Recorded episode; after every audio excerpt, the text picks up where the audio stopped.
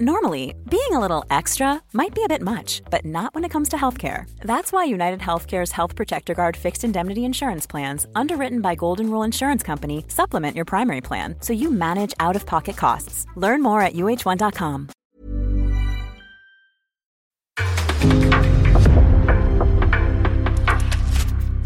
En podcast från Aftonbladet. Avsnittet presenteras av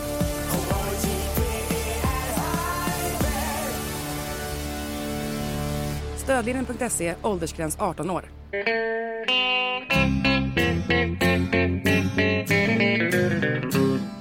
Hello out there, we're on the air. It's hockey night tonight. Tension grows, the whistle blows, and the puck goes down the ice. The goalie jumps and the players bump, and the fans all go insane. Someone roars, Bobby scores at the good old hockey game. Oh, the good old hockey game is the best game you can name. And the best game you can name is the Hallå, good old hallå, hallå, hallå. Hallå, hallå, hallå, hallå, hallå. Hallå! Yes, hallå och välkomna till NHL-podcasten med Jonathan Onskan Ekeliv, eh, vår stjärna, i, eh, på plats i Örby utanför Stockholm. Stämmer. Och jag, Per Bjurman, på Manhattan i New York, där det nu har blivit januari så det stänker om det. Det är svinkallt. Just idag har vi väldigt vackert väder. Det är absolut molnfritt. Gnistrande solsken, men så förbannade kallt. Ja, jag läste häromdagen i bloggen att du till och med fick eh, ta på dig Sportbladet-mössan. Alltså. Det är inte ofta du måste dra fram den. Eh. Då Nej, har jag- kung Bore verkligen eh, klivit in i leken. Jag har ju tappat bort, det, det är väldigt lätt att tappa bort mössor tycker jag. jag de bara försvinner. Jag hade en väldigt bra. Ja. Eh, men så, så tappade jag bort den och nu går jag med...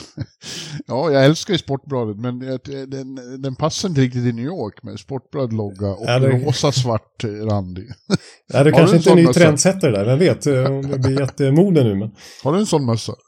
Nej, jag har nog faktiskt inte det. Den enda Sportbladet attiralj jag har, det, det är ju en t-shirt. Ja. Den, eh, den ligger långt ner i, skafferi, i eh, garderoben tyvärr.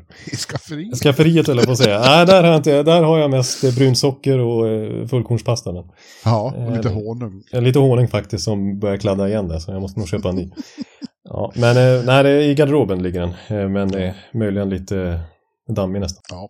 Ja, det har ju överhuvudtaget varit väldigt rörigt väder här i Nordamerika senaste veckan med, med eh, multipla stormar. Och det har ju faktiskt hållit på att ställa till det på, i NHL också, som vi ju ska prata om i detta Ja. 447 avsnitt. Eh, Ja. Det är ju lag som har liksom fått kämpa för att ta sig till ställen som Buffalo, och Detroit och Chicago. Ja, Buffalo verkar ha varit helt gensnöat där med Ja, tanke på ja, att de- NFL-matchen höll på att ställas in och fansen fick skotta läktarna och grejer. Ja, var precis. Ja, det var helt otroliga bilder därifrån. På. Ja. Men så är det ju. De ligger där de ligger och de får den- denna lake-effekt. Inte alls lika dåligt på andra sidan sjön där Toronto ligger. Där var det ingenting. Men eh, eh, det liksom ligger på vindarna åt det hållet och så kommer snö i sidled in över, över Buffalo. Ja, det är, det är konstigt för som du säger, fågelvägen är inte långt emellan. Nej. Ja. Men eh, eh, det har klarat sig ändå. Eh, på något Ja. vis. Och vi har spelat en massa hockey och det ska vi prata om nu. Mm. Eh, jag, jag, jag vill bara nämna, jag var ju på, igår kväll var det sista matchen på, på Garden på ett bra tag. För nu åker Rangers på lång bortaturné i väst. Kalifornien-trippen. Just det, klassiker.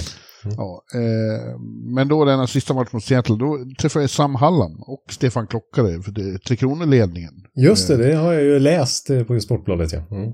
De, var ute på, de har varit ute en vecka på, på den här och lyckats kryssa runt bland de här stormarna och missa dem. Men, men sett då 16 matcher. Mm. Mm. Och eh, det jag tyckte var spännande är inte att de bara tittar inför VM då, eventuella förstärkningar, utan att redan så har de eh, World Cup i bakhuvudet. Ja, Och, och så Hallam sa ju det, att han får gåshud när han tänker på det. Ja, ju- ja, det är ju skönt att höra för det får Ja. en annan också med tanke på att det faktiskt nästa år, ja det är ju bara ett drygt år kvar tills vi med all sannolikhet ska få se Bäst om bäst hockey för första gången sedan 2016. Ja, den här, nu, den här tiden har vi ju en trupp liksom, om ett år. Ja, just det. Oj, oj, oj. Vi, får, det, det, liksom, vi har spenderat så många poddar åt att liksom hitta på svenska trupper. Men eh, vid den här tiden nästa år, då har vi en handfast Halam-trupp med liksom Erik Karlsson och Elias Pettersson och William Nylander och Rasmus Dahlin och allt vad det är. Ja, det har vi. Det, det, det kommer att vara, det kommer liksom att vara väldigt pirrigt liksom. Man kommer att vara euforisk. Alla superstjärnor som Kanada har petat och så vidare. Ja. Ja. Ja. Ja, det blir... ja, jag får gåshud nu kände jag också. Oj, oj. Jag får åka med dem hem. Jag ska tjata in mig på charten med Ja. Sverige och Finland. Ja, just det, just det. Så att du får följa med till finalen. Ja, du tänker så. Du ska hem till Sverige först, men sen ska du följa med dem tillbaks till New York eller vart det nu blir, eh, Vegas eller Toronto eller vad det pratas om. Eh, när, när Sverige har slagit Finland, vet du, och ska spela final mot Kanada eller USA. Ja, ja det är ju det också. Eh, det blir ju så, det blir två matcher, det blir inte bäst av tre utan det blir två matcher som jag förstår. Och eh, målskillnad om det behövs. Just det. Mm. Lite sådär eh, VM-finalstuk på 90-talet, då var det väl? Ja. Ja. Ja, ja eh, jag vet inte riktigt varför jag börjar med det, men det är för att det är så exalterande, tanken liksom. Ja, men jag köper det. Och när, när du har fått stöta på dem där på pressläktaren, det är inte varje dag, du har Halam intill dig där. Nej, tänk dig när du och Jarko sitter där hemma och, och Sebastian Aho, Mikko Rantanen och eh, vem mer är i första kedjan? där? Ja, vem kan det vara? Eh, inte Line kanske, men eh, ja, eh, Barkov. Jo, ja. Line ska med. Line, klart Line kommer göra eh, tio mål på två matcher. Ja, Ja. jag, jag som sa det först. Så är det bara. När han spelar landslaget, då blir det annat. Ja, det är i och för sig sant. Ja, ja eh, härligt. Men du, vad ska vi börja annars i för ända då? Vi har en del eh, nyheter. Eh, Ja, precis. Vi kan annars eh, bara först konstatera att det här blir lite trade-fokus i det här avsnittet. Vi kanske kommer in på det lite titt som tätt, men i slutet har vi tänkt köra en rejäl, ett rejält grepp liksom inför. Det är, det är 8 mars vi har trade deadline i NHL, men eh, vi har inte riktigt eh, eh, nämnt vilka som eventuellt kan vara på marknaden så här under säsongens gång. Men i det här avsnittet tänkte vi ta ett första liksom, större grepp kring årets trademarknad. ja, det ska vi. Men vi kan börja med en som faktiskt, eh, ja, det hör till det. Så knyter vi ihop det sen. Men en nyhet är faktiskt att eh, Elvis eh, has left the building snart i Columbus, som det verkar. Ja. Eh, ha- han har ju begärt eh, trade. Eh, för att han inte är uttalad förstemålis längre och det tycker han är fel. Han säger att jag älskar Columbus, jag älskar grabbarna, men jag är ingen backup goalie. Nej, precis. Nej, han är eh, storspelare här mot eh, Vancouver eh, häromsistens då. Då har uttalat sig uppseendeväckande där. Efter att faktiskt, det var väl hans typ första match i år liksom. Ja, Han har ju varit petad här sen mellandagarna och då var Columbus upprörda på honom för att han hade bytt ut sig själv, inte första gången liksom. Eh, och att de tycker att han har varit väldigt ojämn och inte levt upp till det där stora kontraktet som Jarmo Kekalainen skrev med honom häromåret. Femårskontrakt på över 5 miljoner dollar per säsong. Anmärkningsvärt att han har ett så stort kontrakt, ett av de bästa målvaktskontrakten i ligan. I alla fall runt topp 10 liksom, för en målvakt som kanske inte bevisat så mycket tidigare i NHL-karriären. nej. Eh, men eh, det är ju brist på målvakter där ute och många lag som eh, är ute efter att uppgradera inför eh, andra halvan av serien här. Mm. Eh, Så om, om eh, Blue Jackets eh, går med på att trada honom, då, då finns det suitors, som det heter. Ja, så är det såklart. Och, och det har väl kommit fram att det är liksom mutual det här att även Columbus tycker att det är dags för Elvis att eh, hitta något nytt. Men ja, frågan är hur lätt det är att trada det där kontraktet med tanke på att det gäller till 2027 och han Ja. tjänar som sagt över 5 miljoner dollar per säsong. Vilket lag vågar göra den chansningen om han ska hålla samma nivå i det nya laget som han gjort i Columbus sen han skrev det där kontraktet. För det har varit svajigt. Och det finns en anledning till att Columbus eh, inte har startat honom förrän nu mot Vancouver. När han visserligen storspelar, han har ju den nivån i sig. Men han har också en lägsta nivå som inte alls motsvarar 5 miljoner dollar per säsong. Ja. Ja, förlåt, jag, jag, eh, det kom ett mejl från NHL här. Eh, Apropå just det vi pratade om. Så är kväll, kvällens match mellan Buffalo och Chicago framskjuten till imorgon. Due to travel restriction in Buffalo. Jaha, ja, där ser man. Ja, ja. Som ett då på är det bara posten. två, två matcher ikväll och TNT får istället fokusera på Detroit, Florida. Oj då. Jag får ställa om helt enkelt. Ja. Ja, så kan det gå. Men det är ju Columbus överhuvudtaget är ju ett, eh, ett, ett, ett sorgebarn i år. Det, det går inget bra alls där. Nej, det har du rätt i. Det har vi inte pratat så mycket om under säsongen eh, med tanke på att vi pratade om dem en hel del inför säsongen. Eh, var ju aktiva i somras, Jarmo Kekalainen, på free agent-marknaden och trade-marknaden och var tidigt ute med Provorov eh, trade och eh, Severson trade och sådär och, och eh, Mike Babcock-anställning inte minst. Ja. Eh, Och han hann ju inte ens coacha laget innan han fick sparken och den här satsningen med rutinerade spelare som anslutit har inte gett effekt alls utan de är ju fortsatt ett lag för bottenträsket. Ja, man kan ju dra det ända till förra, förra sommaren när de eh, då eh, drog sin jackpot tyckte man med Johnny Gaudreau. Nu, nu börjar en ny tid i Columbus, men det har ju, de har ju fastnat i startblocken även sett eh, till det. Ja, exakt. Och så nämnde vi inte en jätteboost i form av eh, att få Adam Fantilli i draftlotteriet. Då, liksom. Ja, just eh, Nej, jag tror ju att det här med Babcock-historien, den, den sabbar ju. Alltså, han, han fick ju nästan ingen tid på sig alls att förbereda en hel säsong. Eh, Pascal Vincent. nej. Men han ger inget särskilt förtroendegivande intryck heller tycker jag. Det är bråk med spelare. Liksom han han eh, eh, bänkar folk hela tiden. Ja, det verkar, det verkar, disharmoniskt. Ja, verkligen. Och det måste, de har ju en väldigt, eh, ja du vet, du har ju varit med dit en gång. De har ju Ja. en väldigt trogen fanbase och sådär. Mm. Eh, och det måste vara jävligt trist att det, det, liksom, det blir aldrig någonting där. Nej, och jag eh, tycker faktiskt att eh, alltså, det är dags att klippa banden. Tyvärr är Jarkko och Finland och så här med, med Jarmo Kekkeläinen alltså. Eh, Ja. Jag tycker han har för, förbrukat sitt förtroende. Inte minst med hela det här eh, Mike Babcock-fiaskot. Men med tanke på... Oj, Han har oj, Jonte, Jonte, det här kan bli rubriker vi har satt. Ja, men då... Eh, Ja, Eller men, vad- inte via, vad heter det, Sanomat. jag giltar Sanomat, ja. Just det, de kanske... Ekeliv i Sverige. Ja, just det. Rasar. Kek- Kekkeläinen har gjort sitt. Ja, men han har ju varit där i tio, över tio år nu. Det var väl 2013 eller sånt där han kom. Ja, och han är det- en av de som har varit längst nu i sin... Precis, precis. En eh, framgångsrik period han har haft i Columbus under den tiden, det var ju med John Tortorella. Men jag tycker det framstår nu med tanke på vad Tortorella gör i Philadelphia som att det snarare var Torts som vände upp och ner på organisationen och fick ordning på saker liksom. Ja. Än, än, och visst, det var några bra trader. Han fick in Artemi Panarin där till exempel och Sergej Bobrovski var väl eh, Kekkeläinen också en gång i tiden. Så här. Men han har gjort mycket dåligt. Babcock är väl kronjuvelen av dåligheter om man kan säga så. Ja, det, där tror jag ägarna liksom är, är snudd på redo att gå in och säga nu får det vara nog på dumheter. Ja, faktiskt. Eh, men så här, vi, vi kan börja redan hans, ett av hans första kontrakt, Nathan Horton, som han spelade 36 matcher innan axeln var helt söndertrasad. Det kontraktet var oförsäkrat. Kostade Columbus otroligt mycket pengar för en spelare som inte kunde lira. Alltså nu backar jag långt bak i tiden, men, men eh, hur man skänkte bort William Karlsson i expansionsdraften för att behålla Jack Johnson till exempel. Ja, Eller, eh, inget vidare hör du. Nej. Det Succé. Nej, precis. Det Elvis Merslikens-kontraktet eh, var märkligt tycker jag. Eric Goodbranson som har studsat runt i sex klubbar på fem år och sen får ett eh, nästan monsterkontrakt skulle jag vilja påstå i Columbus. Och, eh, offrade Oliver Bjorkstrand lättvindligt förra året. Jag, jag, jag tycker att eh, han har gjort mer dåligt än bra, Jarmo Kekkeläinen, totalt sett under sin period i Columbus. Och de står fortfarande och stampar kommer ingenstans trots att Jarmo Kekkeläinen spenderar till lönetaket. Och så, här. så att, nej, det är dags för ett eh, regimskifte i eh, Ohio. Så, känd svensk journalist till brutal attack mot finländsk ikon. Jag ser den imorgon. Ja, du ser, det, det, var, det hade jag inte räknat med när vi satt och spelade in det här. Och, och började prata om skafferi och så grejer. Så, sen skulle det bli tidningsrubriker eventuellt. Ja, eh, förlåt mig i så fall. Förlåt Finland, jag sa ingenting. Jag sa ingenting. Nej.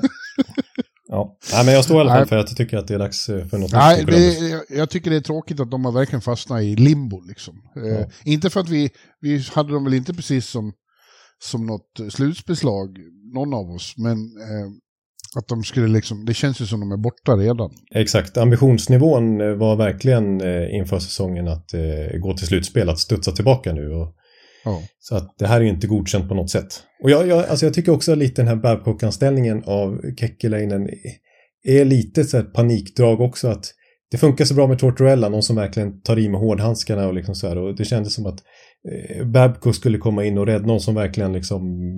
Alltså, är omdömeslöst tyckte jag liksom, Alltså, på många sätt såklart, men också att, att Jarmo Kekkeläinen tror att det behövs den typen av ledarskap för att det ska gå att vända på skutan i Columbus. Att Ja. det, det, det tycker jag dåliga signaler på flera sätt än det mest uppenbara. Att Babcock är överhuvudtaget liksom. Ja, du förstår. Nu ska jag släppa det. Jag förstår helt och hållet Jonathan. Ja. Eh, eh, ja, de är, jag vet inte, det är, det är något med Columbus som gör dem till ett liksom på riktigt är de ju, men de känns lite och sido styrmoderligt behandlade av ligan också. Alltså de, de är till exempel det enda lag som inte har spelat utomhus än, någonstans. Ja, just det. Mm. Vare sig inom Stadium Series eller, eller Winter Classic. Alltså de, de tillhör inte the marquee organizations direkt. Nej, det är ett lag som eh, får vara med på nåder Ja, ungefär. lite, Liksom. ja, ja. Nu sägs det då att de, de kanske får nästa års Winter Classic. Det tittas på jättelika Ohio Stadium tror jag. Mm. Eh, Men eh, synd, för samtidigt som sagt så har de ju en väldigt eh, trogen och hängiven fan, eh, alltså mycket fans. Ja, när de väl varit i slutspel har det ju varit ruskigt drag i, i den arenan. Det är ju många motståndarspelare som har lyft fram det också. Att det har varit eh, nästan lite skräckinjagande att komma till Nationwide. Det vet ju ditt Tampa. Ja, till exempel. Usch. Apropå Tampa, vad vad är det? Eh, blev det rubriker om det också att eh, GM Brisbois häromdagen gick ut och slog fast, eh, förnekade då rykten om eh, att Steven Stamkos skulle kunna vara på väg någonstans. Han, han, han sa rakt ut att Steven Stamkos kommer inte att bli trailad. Ni kan sluta Nej. prata om det.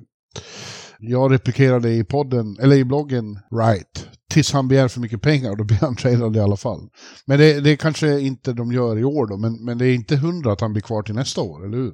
Nej, han har ju utgående kontrakt. Så att, eh, det är ju därför det ryktas om honom. Om det skulle vara så att Tampa eh, de här två månaderna som återstår fram till trade deadline eh, går åt fel håll. Jag menar, de ligger inte på slutspelsplats just nu när vi spelar in där, även om det pendlar från dag till dag.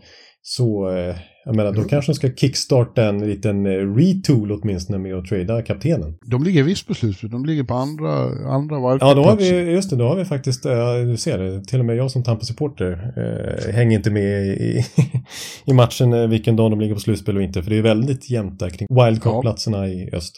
Ja, det är det verkligen. Eh, Men de har ju faktiskt vunnit tre raka nu och sett eh, rätt så bra ut.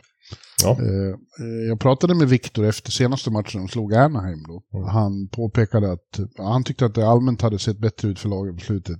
Lite, men han sa också att de var ganska slitna. De har spelat mer matcher än någon annan nästan hade då. Mm, Eh, De var uppe i 44 matcher redan i helgen. Precis. Han för övrigt, Viktor, dammade in sitt 150 mål den matchen.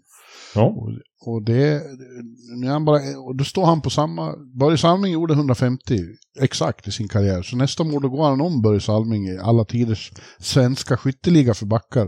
Och Ja. har bara två andra som har gjort det. Och det vet du att då är det Niklas Lidström och eh, Erik Karlsson, hans Ja. kompis. ja. Eh, och vi pratade om att han eh, har en mycket bättre säsong nu än vad förra. Han var mycket mer nöjd med den här. Eh, Ja. Han tycker det känns, känns bra igen. Jo, men, och just det att det känns bättre, det kan jag ju förstå med tanke på att det, det sades att han, och, var, var ju borta lite grann förra året också, alltså att han drogs med skadeproblem då. Och det Ja. syntes ju på isen att han inte var sig själv och fick inte ratta första powerplay längre. Och radikal skillnad i poängproduktion till exempel i fjol. Men nu är han ju uppe på en poäng per match igen i princip och, och med i toppen av backarnas poängliga liksom. Sådär, så att, nej, ja, absolut, han är ju toppklass på han. Ja. Ja, du ska Han eh, konstaterar att de har mycket backskador nu så han får dra ett extra tungt lass nu och leda de unga killarna där som han dock Ja. tycker har gjort det bra, inklusive norrmannen, vad heter han? ja, det pratar vi om här i mitt hushåll vet du. Ja, det förstår Och jag. den där tacklingen som eh, Lilleberg hade härom, var det mot Anaheim då? När han, eh, det blev ju viralt även i Nordamerika. Liksom. Lill Lilleberg? Lilleberg va? Ja, det är en, endast den nionde norska NHL-spelaren någonsin. Ja. Ja, men det säger lite grann om, jag menar de har ju kallat upp och ner en mängd AHL-backar senaste tiden och många som fått göra rookie laps sina första NHL-matcher liksom. För att det varit som krisen. Sån som Sergachev till exempel som tog eh, Hedmans PP-plats i fjol men varit klart sämre i år. Han är ju skadad och varit borta ett tag och det är ju tungt avbräck såklart. Ja. Ja, jag tror ju bara de tar sig till slutspel så blir det farligt med Tampa. Det är vad jag tror. Ja, och jag är oerhört spänd överhuvudtaget på hur de ska agera runt deadline. Vi ska komma in som sagt på trader och vilka lag och vilka spelare inte minst som kan vara aktuella för trader här. Men många av de där lagen runt eh, wildcard-positionerna nu, eh, ska de vara sellers eller ska de vara buyers i deadline? Eller ska Ja, de inte göra svårt. någonting? Det är, Det är ju båda, båda konferenserna är det ju väldigt tajt där kring, kring wildcard-strecken och det, det kan ju bli liksom eh, tråkigt rent trademässigt att det är ingen som vågar liksom eh, för, gör, så, gör så stora förändringar. Nej, precis. Det är risk att du, nu ska vi inte snacka ner det här snacket på förhand och som vi ska komma in på så det låter helt ointressant. Men det, det har en poäng i att det kan påverka och sen också eh, det faktum att det är först nästa år ju, jag menar de höjer inte lönetaket mitt under säsongen ju, utan det är först i sommar det höjs. Eh, så att det är inte mycket dollares att röra sig med här heller för många lag. Ja, jag kommer tillbaka till det med, med Hallam, mötet med Hallam igår. Då. När de åker på de här scoutingresorna till kronoledningen så är det i första hand för att liksom vårda relationer och, och, och stå i bra kontakt med killarna. Eh, mm. Men jag sa det, ni, ni frågar väl inte konkret om, om VM än? Så, ja, ja i, i vissa fall. När det gäller lag som eh, har 3% chans att nå slutspel så kan man ju fråga. Liksom. Ja. Eh, det betyder att han har alltså frågat spelarna i San Jose och Anaheim kan man utgå från. Ja, just det. Eh, Ottawa kanske. Eh, men eh, i övrigt så går det ju då inte att ställa det eftersom det är så många som är indragna. Liksom. Ja, det är faktiskt väldigt många som fortfarande har eh, högst möjlig chans att gå till slutspel. Om de ja. Eh, går på en liten streak här. Ja, det är halva säsongen kvar och det är ju liksom det är nu det avgörs i, i den här brutala januari-mörkret. Liksom. ja, precis. Det, det är nu eh, agnarna skiljs från vetet för att köra en riktig klyscha. Men det är ju verkligen i det här läget då. När man är Männen långt... från pojkarna brukar jag säga. Ja, det brukar du skriva i bloggen. Ja. Jaha. Jo, men det är verkligen det läget av säsongen. Ja, det är det. Men eh, ja, vad, vad pratar vi om nu? Ja, vi pratade om eh, Hedmans 150 mål och Tampa och lite allt möjligt. Eller vad vi pratade om innan dess vet jag inte. Vi, vi, vi, kanske, vi kanske får fånga upp någon annan tråd här. Eh, ska vi prata apropå... Um, ja, nu var jag oschysst mot Hedman. Nu vart det rörigt. Ja, eh, men eh, jag höll på att göra en övergång från Victor Hedman till Mark-André Fleury för att det är liksom veteraner. Men det var ju taskigt mot Hedman, för så gammal är han inte. Han är inte 39. Nej, precis. Han är ju 90, precis som en annan som sitter här och poddar. Va? Det är ju rena ungdomen. Ja. ja, ja. Ja, Mark André Fleury eh, passerade en fantastisk milstolpe häromdagen. Han tog sin, vad var det, 552 seger. Just det, precis. Passerade Patrick Roy, sin ja, barndomsidol. Mm. Ja, där gick, gick han om ikonen Roy på listan över, alltså då alla tiders listan över antal segrar för målvakter. Mm. Där ju då Martin Brodeur är, är, är evig etta förmodligen med sina 600 vad det nu är.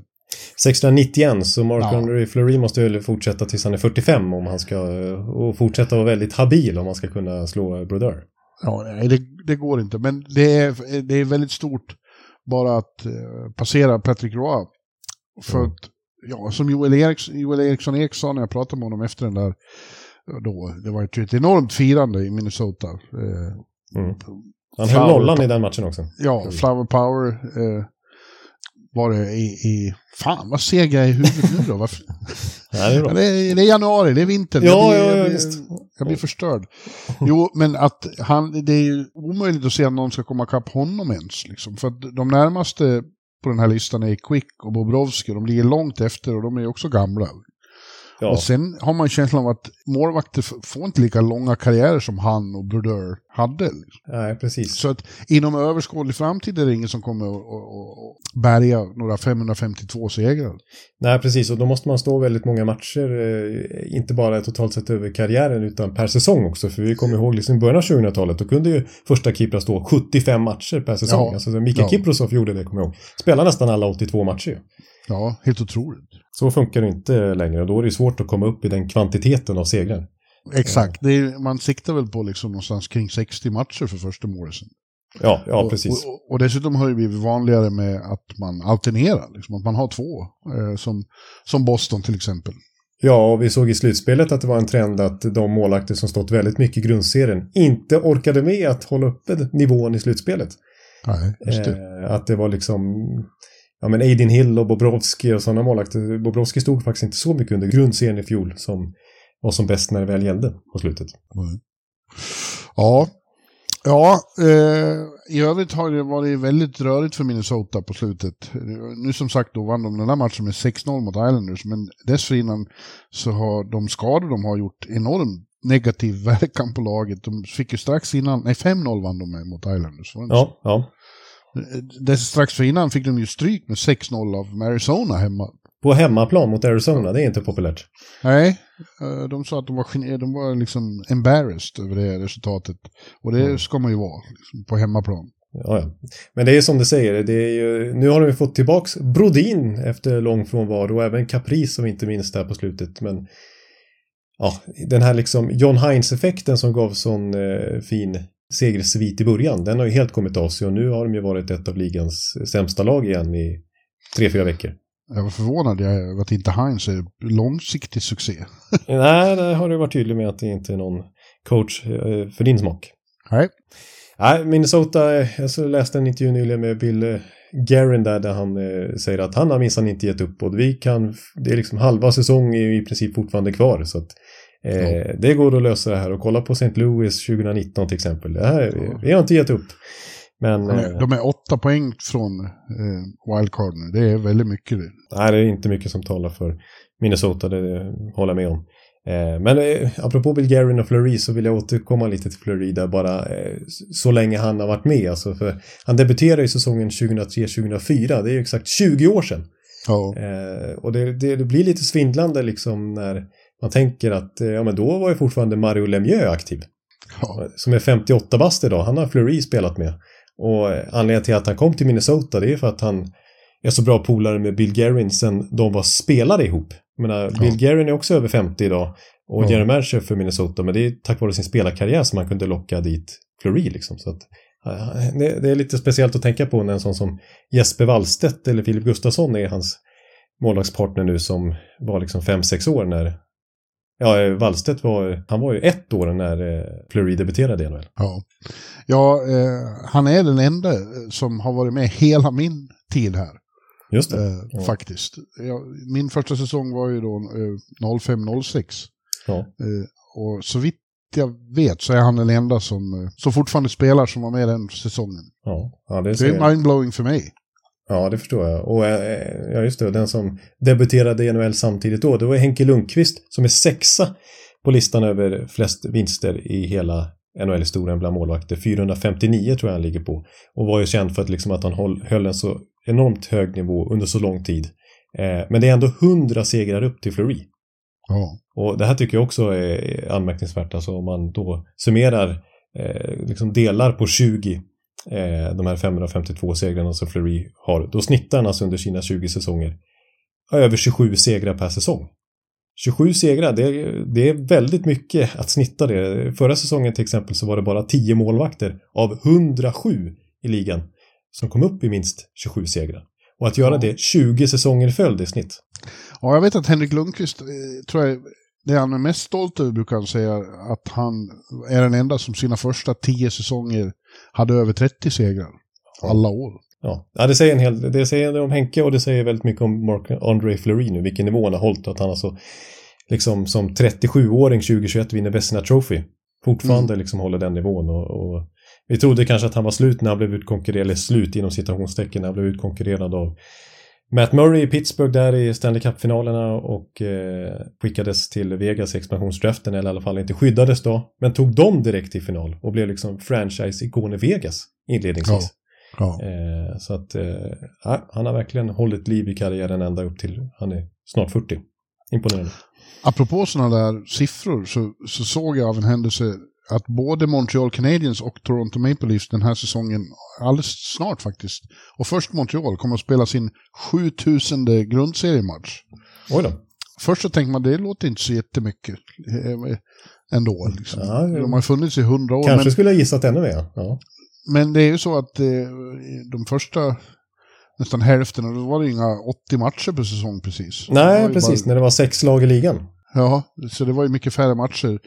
Men det ger ju också perspektiv Detroit kan inte vara så långt efter på den här listan till exempel. Det, för de har ju också funnits så här länge. Och att då en sån som eh, Lida som spelar, eh, vad han spelar, 1300 matcher och sånt.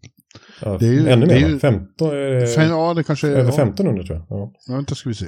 Eh, eh, det är sammanlagt ja, 1564 matcher. Ja. Jag menar, det är ju mer än en sjundedel av alla matcher man spelar. Liksom. Ja, just det.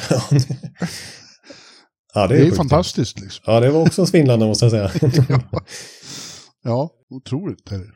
Ja, det var en parentes. Det, apropå målvakter också då, så eh, en som är betydligt yngre och bara precis har startat sin karriär, men också har varit ett stort utropstecken den här vintern, framförallt på slutet, är ju då unge Samuel Ersson i Philadelphia. Ja, Eh, eh, han höll återigen nollan här sista. Jag tror att det var hans tredje den här säsongen, eller andra. Tredje sammanlagt kan det vara. ja och eh, det måste ju nämnas mot vilket lag det var också. Han klippte ju Winnipeg Jets åtta matcher långa segersvit. NHLs kanske, ja, ihop med Edmonton och något lag till, hetaste lag. Alltså Winnipeg som är enormt bra just nu och som vi pratade om en hel del förra veckan. Jo, fyra, fyra han. Han hade en redan i fjol och tre nollor i år. Ja, Ja. Men eh, Samuel Ersson, Ersson kommer till eh, Winnipeg, då eh, lyckas de inte göra mål trots att de får iväg 35 skott. ja väldigt, väldigt roligt. Philadelphia är överhuvudtaget en, en väldigt imponerande story den här säsongen. Ja. Men det är Samuel också. Alltså, jag var ju där i höstas när han, eh, Leo Karlsson spelade där. Eh, Ja. Då, eh, Var i första hand därför du åkte dit, till Philadelphia. Ja. Mm. och då var ju liksom Ersson hånad av publiken där i, i Wells Fargo. Det var, han hade en tung dag. och De, det var så här hånjubel när han gjorde någon rutinräddning på slutet. Ja, han släppte ju sju i den matchen. Ja, och, och, och Tårtan var efteråt upprörd och sa att that's bullshit. It's not his fault. Eh, men då visade det sig att den är unge Mas då, från Falun eh, för övrigt. Eh, det skakade han av sig och, och bara fortsatte. Och, och nu pratar ju Tårtan väldigt mycket om hans mentala styrka, att han är så imponerad av eh, att han är så samlad och är så mentalt stark. Ja, det är han ju uppenbarligen. Alltså, för sen den matchen som du var på där eh, har han inte släppt in mer än tre mål i en enda match. Nej. Och hans statistik är ju i allmänhet extremt eh, bra i alla kolumner i räddningsprocent. Sen Thanksgiving i alla fall, när han börjat få liksom sno starter från Carter Hart och var liksom eh, får väldigt stort förtroende av Tortorella. Så är det bara Connor Hellebuck och eh, succémålvakten i Seattle där, Joey Dacourt, som har högre räddningsprocent än vad Ersson har. Så han har varit ruskigt stabil en längre tid nu. Ja. Eh, och jag måste, och Carter Hart gör ju en bra säsong också. Det måste jag bara slänga in i sammanhanget här. Att helt plötsligt så har Philadelphia liksom ett angenämt målvaktsproblem att de har sånt djup på målvaktssidan. Två unga, ruskigt heta keeprar efter att under liksom hela 2000-talet egentligen eh, letat eh, en första, att ens ha en första målvakt. ja, det har ju varit ett evigt problem i Philadelphia. Eh, Ja, man trodde då att Carter Hart var svaret på bönerna, men han hade ju några säsonger när det var riktigt tungt han också. ja precis. Och faktum är att Ilja Bryskalov, som vi kommer ihåg, denna underhållande karl, han, Ja. han köpte de ut från ett monsterkontrakt som gör att Underhållande karl. Ja, det var han. Eh, han... Why Ja, det var bara- mad? Det var bara oväntat att du använde uttrycket karl. Ja, ja. Ja, men han, han eh, får ju fortfarande lön av Philadelphia fram till 2027 Otroligt. på grund av det där utköpet. Och det var ju faktiskt så att det var Philadelphia som satt inne på Sergej Bobrovski i början av hans NHL-karriär, men han skeppade dem till Columbus Blue Jackets och det fick de bittert ångra. Och eh, de har ju NHL-rekordet eh, i antal använda målvakter under en säsong. Säsongen 18-19 hade de åtta olika målvakter. Eh, testade de Ja. runt för att försöka hitta någon som kunde eh, vakta kassen. Så att, men nu är plötsligt Ersson och Hart Ja, unga, riktigt stabila och bra målvakter som gör att Philadelphia ligger på andra plats i Metropolitan Division. I ett, i ett läge när de egentligen är inne i en rebuild. Liksom. Ja eh, hade Rangers förlorat igår mot Seattle, då hade det varit två poäng. Då hade de kunnat gå i kapp imorgon. ja, ja, just det. Uh, ja, det är, de är ju nu med, med, alltså när säsongen verkligen och tabellen har satt sig och, och de här flokerna i, i oktober-november är över så kan man konstatera att de är den stora positiva överraskningen i den här säsongen och det är ju Tårtan som ska ha stor, alltså han har ju gjort eh, under med ett manskap som egentligen inte ska vara så här bra men han är ju jävligt bra på att få manskap, eh, liksom agera som samlade kollektiv eh, Ja, och ge mer- allt hela tiden. Ja, det är verkligen ett verk av tårtan det här i första hand. Och vilken, vilken fem mot fem maskin de är. Alltså, de är ju ruskigt svåra att, att möta och de kontrar sönder ibland motståndarna och de hjälper Ersson och Hart bra också eh, en hel del eh, i egen zon sådär. Så att det, men eh, för det märks när det kommer till powerplay där det kanske blir lite mer utslagsgivande vilken kvalitet man har på spelartruppen för att man ska ha ett bra PP. Liksom. Det, det, där har ju coachen viss inverkan men det handlar ju också om att ha väldigt spetsiga spelare. Där syns det ju att Philadelphia kanske inte är ett skede de ska liksom konkurrera om att vinna Metropolitan Division. För de är alltså 32 av 32 lag i NHL i powerplay. Mm. Så där har de lite att jobba på. Så det, det gör det liksom ännu mer. Och de är faktiskt så här också, apropå kvaliteten i truppen så. Det, det är bara San Jose som är mer ineffektiva än vad Philadelphia är. De sätter inte många av sina skott. Ändå så ligger de så här högt upp i tabellen för att lagmaskinen Philadelphia funkar så otroligt bra. Ja, eh, Tårtan själv är ju liksom inte så imponerad. Han säger bara, we'll, we'll go about our business. We have some good minutes, some bad minutes, we just keep playing. Ja, ja jo, han är, han är krass. Ja, med, medan liksom journalister och fans där är väldigt, eh, börjar bli väldigt exalterade, säger han så här, "Ja, ja, we're still in the process. Ja. Men, men jag undrar också samtidigt så här som jag sett lite diskussioner på slutet. Det är ju på ett sätt intressant eh, hur Daniel Briere, nya general managern och Keith Jones där, president of Hockey Operations, ledningen, nya ledningen i Philadelphia, hur de står sig till att det går så här bra. Visst, de borde ju vara lyriska de också. Samtidigt så när man är var inställda på en rebuild så kanske de vill hålla till i bottenträsket och liksom få bättre odds i draftlotteriet och kunna eh, boosta laget med spetskvalitet i form av kanske i bästa fall en Macklin Celebrini eller en Cole Eiserman eller någon av de här stora potentiella storstjärnorna som finns i kommande draft. Eh, du, du förstår liksom. Men Ja, fast det där går ju inte att få nuvarande spelare att tänka på. De Nej. vill bara vinna liksom, och vara så bra som möjligt. Nej, och skulle de hålla till i bottenträsket den här säsongen då skulle det förmodligen inte en sån som Tyson Forster eller en eh, Owen Tippett eller en Joel Farabee eller Bobby Brink haft någon speciellt bra säsong. Då skulle de stå och stampa och trampa vatten i utvecklingen. Tvärtom så har ju, har ju liksom väldigt många unga spelare tagit kliv den här säsongen under Tortorella. Och Ja. det är ju otroligt viktigt att ha en sån kultur där spelarna utvecklas snarare än att, att liksom bara försöka hoppas på att en ung 18-åring kan lyfta laget på sikt i, i draften. Ja. Liksom. Så att eh, det är väl, man får väl ändå säga att det här är väldigt positivt för Philadelphia, trots allt. Ja, det är aldrig spelarna som vill vara med om rebuilds eller tänka på liksom framtiden och så. Det, det är ju klubbledningen bara. Ja. Eh, det måste man komma ihåg man, man, när man säger att ja, men de vill vara dåliga. Spelarna som spelar nu vill inte det. Nej, det, nej, nej, precis, men det är därför jag är tydlig med att säga det, att eh, undra vad faktiskt Daniel Briere tänker. Ja. Men det känns som de har en väldigt bra ledning också. Ja. Eh, äntligen. Liksom. Och det är ju så viktigt, om man ser till de som har framgång, det är alltid liksom, det pratade också med Hallam om igår, eh, hur viktigt det är med liksom en riktigt robust och bra organisation runt laget. Som, som det är som eh, Patrik Alvin och Rutherford håller på att bygga i Vancouver. Det, det är så jävla, har man liksom halvdan ägare och, och, och dålig general manager så, då blir det, det, det blir skit. Liksom. Nej, ja, det är ju min käpphäst att det, det startar till och med från ägarhåll, liksom, att det är Ja. viktigt att, att man har det riktigt robust på plats.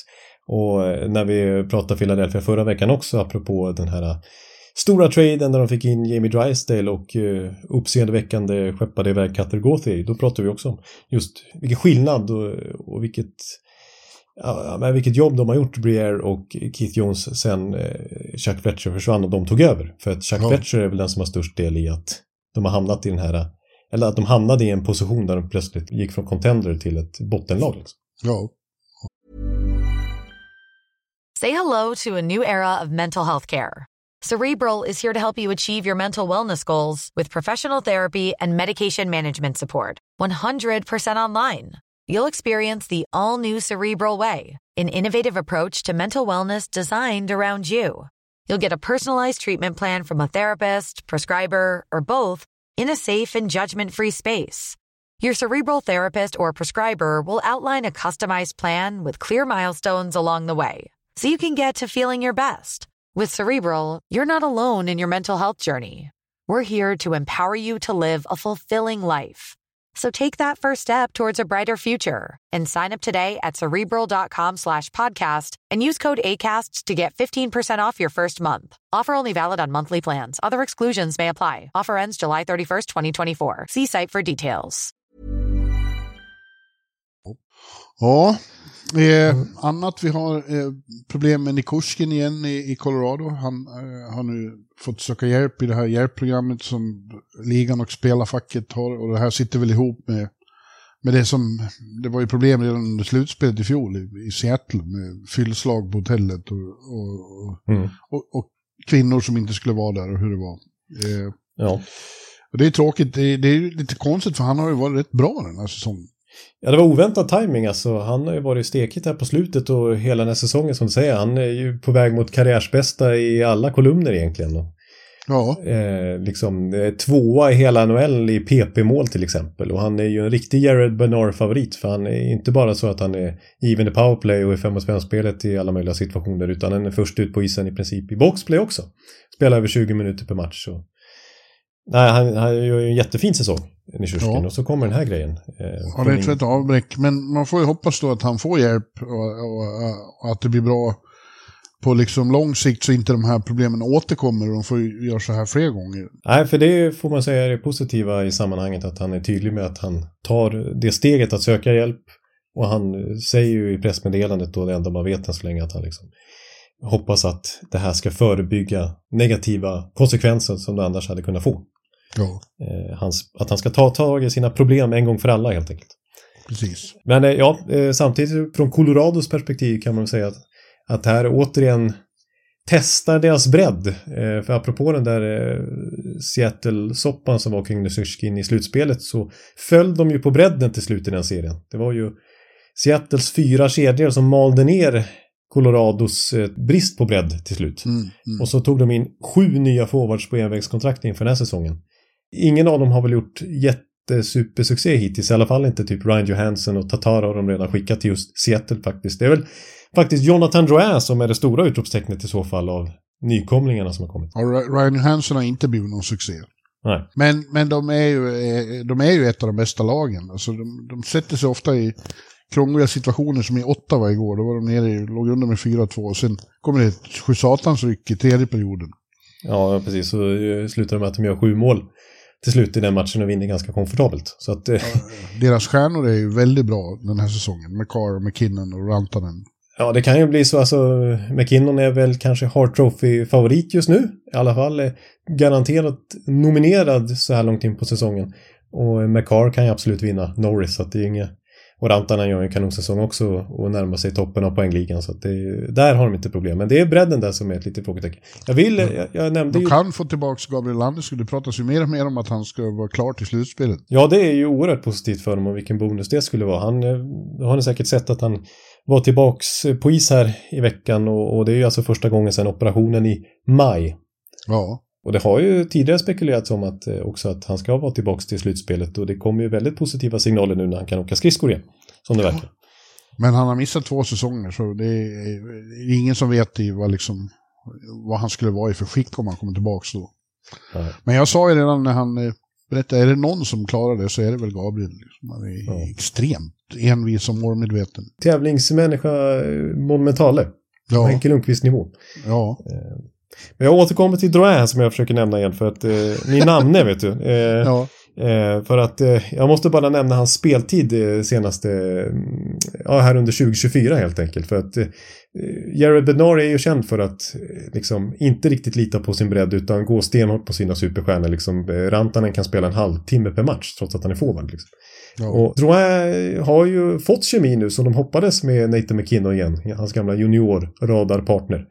Och eh, kollar vi Drouins speltid nu de sista fem matcherna bara så är det 22 minuter, 27 minuter, 25 minuter, 21 minuter, 28 minuter. ja otroligt. Ja, medan Fredrik Olofsson i eh, fjärde kedjan då, han har inte varit över 10 minuter en enda gång sedan årsskiftet. Eh, så att det är liksom, det är så uppenbart hur Bernard tänker och fortsätter tänka även den här säsongen. Att det är liksom extremt mycket speltid på första kedjan framförallt och även andra kedjan. Och sen nästan ingenting på bottom six. Ja, det låter ju lite vanskligt alltså. Risk att man sliter ut dem till de stora matcherna. Exakt, för det, jag det var ju därför de tog in sju nya forwards inför den här säsongen för att kunna fördela lite mer och inte vara så beroende av sin första kedja. Men hittills som sagt, som, som du nämnt, Ryan Johansson skulle ju bli en ny Nathan Kadri i bästa av världar hoppades de på. Men det har ju inte levt upp till och därför eh, blir det att de fortsätter att gå stenhårt på sina toppspelare. Ja. Ja, du, en annan sak som jag vet att du har synpunkter på är att Chicago Blackhawks, eh, eh, vad heter det, de höst, kastar ut kontrakt, eh, stora kontrakt till spelare som du inte tycker förtjänar det. Nej, precis. Alltså, vi ska ju snart komma in på eh, trademarknaden här och två potentiella namn på den, kanske inte högvilt kring dessa två visserligen, men som hade kunnat bli tradade av Chicago. Det är ju Nick Foligno och Jason Dickinson. Men istället för att försöka få något draftval för dem så har eh, general manager Kyle Davidson där skrivit eh, nya kontrakt med dem och fläskat på rejält i lönekuvertet. Alltså, Ja. det här är ju... Alltså menar, Nick Foligno var ju helt i scratch här eh, förra säsongen i slutspelet för Boston Bruins. Han var ju liksom inte nödvändigtvis ordinarie ens. Eh, och Jason Dickinson, han klumpar ju Patrick Alvin ihop med ett andra runda val för att bli av med från Vancouver förra säsongen.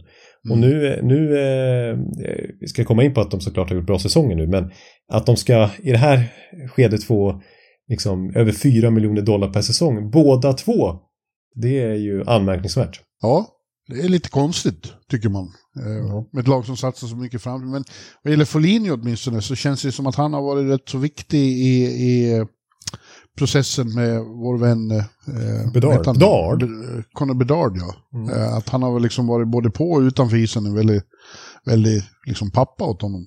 Ja, och det är ju det som är Chicagos motivering och som gör såklart att man förstår här lite grann att Foligno har ju, det, de älskar ju hans personlighet och han är ju en riktig NHL-veteran som har spelat ligan extremt länge och varit lagkapten i många säsonger i Columbus och sådär. Eh, och har ju verkligen, eh, ja men, eh, de hyllar ju verkligen hans ledarskap, inte bara för Conor Bedard utan överhuvudtaget för gruppen där och han har ju varit eh, rätt hyfsad på isen också faktiskt. Ja, Eh, närmare 20 poäng den här säsongen. Och Jason Dickinson eh, var faktiskt uppe i 14 mål. Och hans ledarskap är de förtjusta i också. Och sen är det faktiskt så här att eh, även lönegolvet går ju såklart upp nästa säsong när lönetaket går upp. Man måste ju nå upp till NHLs lönegolv. Ja. Och eh, alltså Chicago måste anstränga sig för att nå upp till lönegolvet ja. Och det är lite därför också de, de ger några extra dollares, eller väldigt många extra dollares i lönekuvertet här för att ens eh, klara eh, golvgränsen helt enkelt eh, kommande säsong. Just nu ligger de på 44 miljoner dollar i budget för nästa säsongs trupp helt enkelt och de måste väl upp i 60-65. Så att det har ju lite med det att göra också. Och då tycker de att Foligno och Dickinson är, är så pass bra ledare att de vill behålla dem nu. Och så är det väl lite så också att ska de stanna i Chicago, ett, ett bottenlag, så kanske de vill ha lite extra pröjs för att... Annars hade de kunnat bli tradade till en contender nu. Jag menar Foligno i slutet på karriären. Det är säkert något lag som man kunnat tänka sig ha han i en fjärde kedja. Ja. ja, men jag vet att du, du höjde på ögonbrynen över det här. Jag ville, eh, apropå Chicago, påpeka att de vann jumbomötet igår med San Jose. De är ju de två sämsta lagen i ligan möttes i en 1-1 match som sen avgjordes efter nio straffomgångar. Ja, det var ingen... Eh, det var inte NHLs bästa match den här säsongen på något sätt. Nej. Men otroligt nog så går ju fansen i Chicago på matcherna ändå, trots att de nu inte ens får se Bedard. Han har ju brutit käken. Ja, Eh, och eh, eh, det, det har ju sagts, många har sagt att varför, varför signar de inte Phil Kessel? Liksom, så folk får någonting att gå och titta på, något kul. Eh, Ja, för så att han menar, kan är, hålla liv i sin Iron Streak. Och, Ja, han är ju UFA och liksom är redo att spela för jättebilliga pengar bara han får fortsätta och liksom hänga med lag. ja, jag, jag eh, tipsar Kalle Davidson om det också. Det skulle vara kul. Ja. Ja. ja, tyvärr har det varit mycket, ska är mycket skador och inte minst på unga profiler då. Men Leo Karlsson är i alla fall tillbaks klart mycket tidigare än väntat. Ja. Eh, han skulle vara borta, åt, han gick ju sönder precis innan jul och sen trodde de han skulle vara borta i åtta veckor.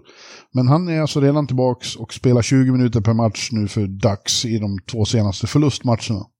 Ja, precis. Eh, Han är ingen blyg rookie precis. Han börjar ju veva mot självaste Matthew Kitchuck i den där Florida-matchen. Såg jag. Ja, Nej, han tar för sig och fortsätter att imponera sin, sitt första år i ligan. Och nu sägs det att nu är vi inne på andra halvan av, av NHL-säsongen och då ska ju det upphöra lite grann det här med att han ska skyddas så mycket och, Ja. och vilas i minst en match per vecka. Nu är det, nu ska han få testa på eh, the grind helt enkelt och få Ja. lira konsekvent.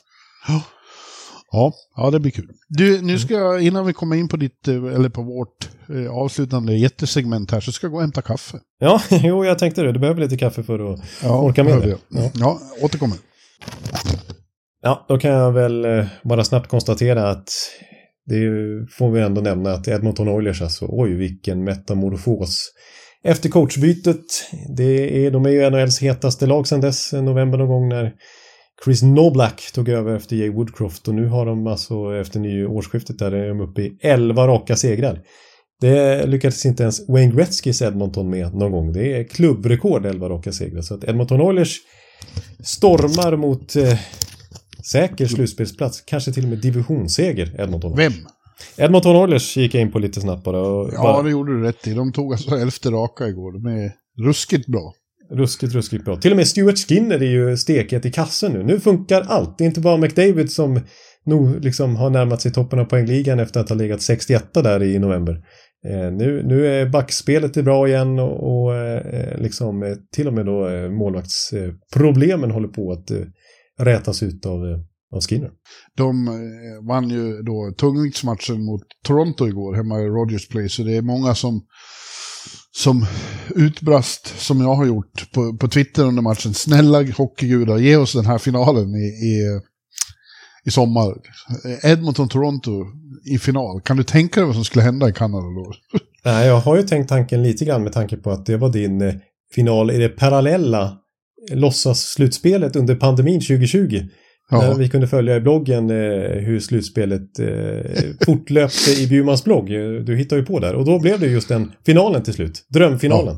Ja, ja eh, det skulle, alltså Matthews mot McDavid. Eh, hel kanadensisk final. Ge, alltså garanterat att ett kanadensiskt lag vinner Stanley Cup som de inte har gjort på 31 år.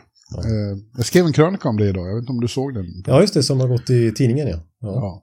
Ja. Eh, om att eh, den här torkan i Kanada, det nationella traumat måste vara över snart.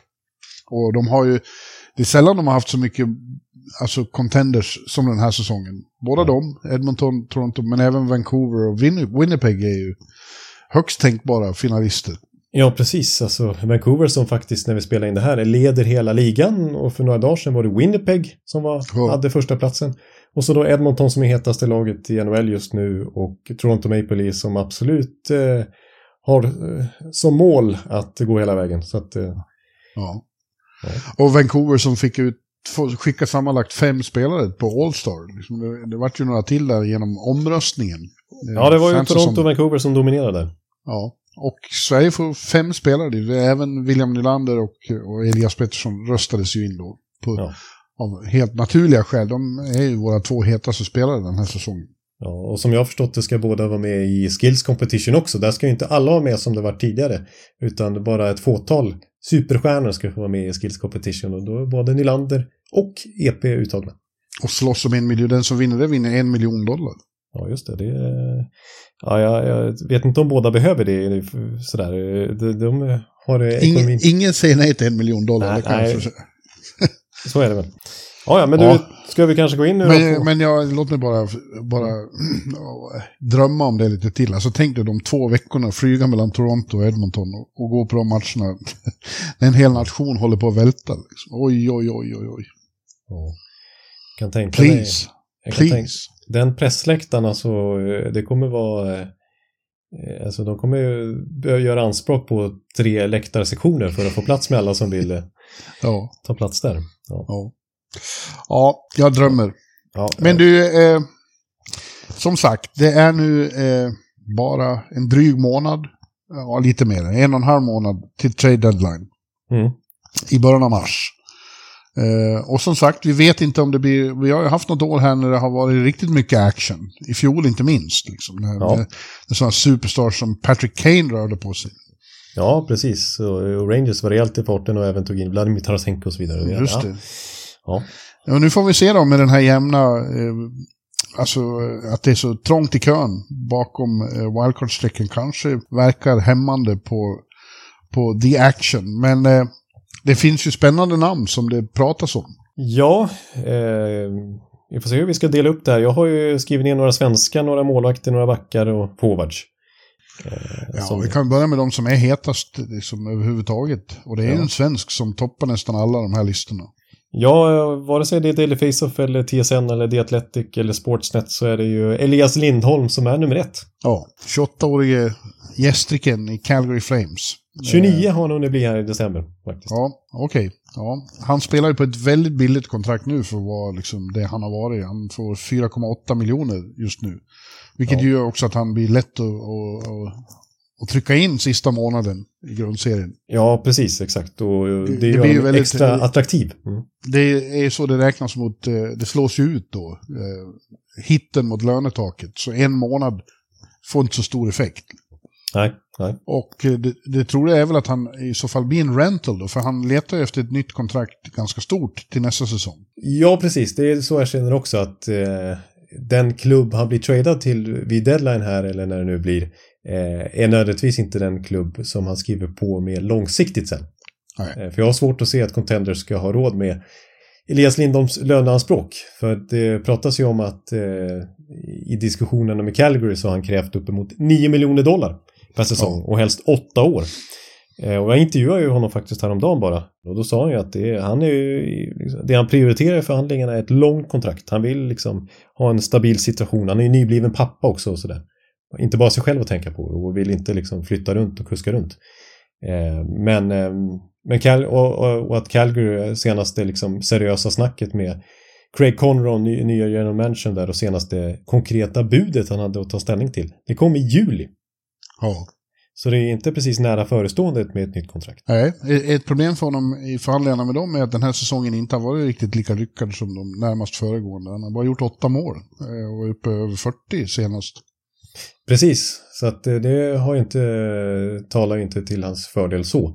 Eh, men sen också det bara att Calgary inte gör någon bra säsong i år igen trots ny coach och liksom eh, Eh, lite ny energi trodde man och lite ny dynamik i spelargruppen liksom. Men eh, nej, den här nysatsningen efter att Kitchak och Gaudreau försvann när man eh, Uberdos jättekontrakt och Kadri tog sig in och Mackenzie Weger och lite annat.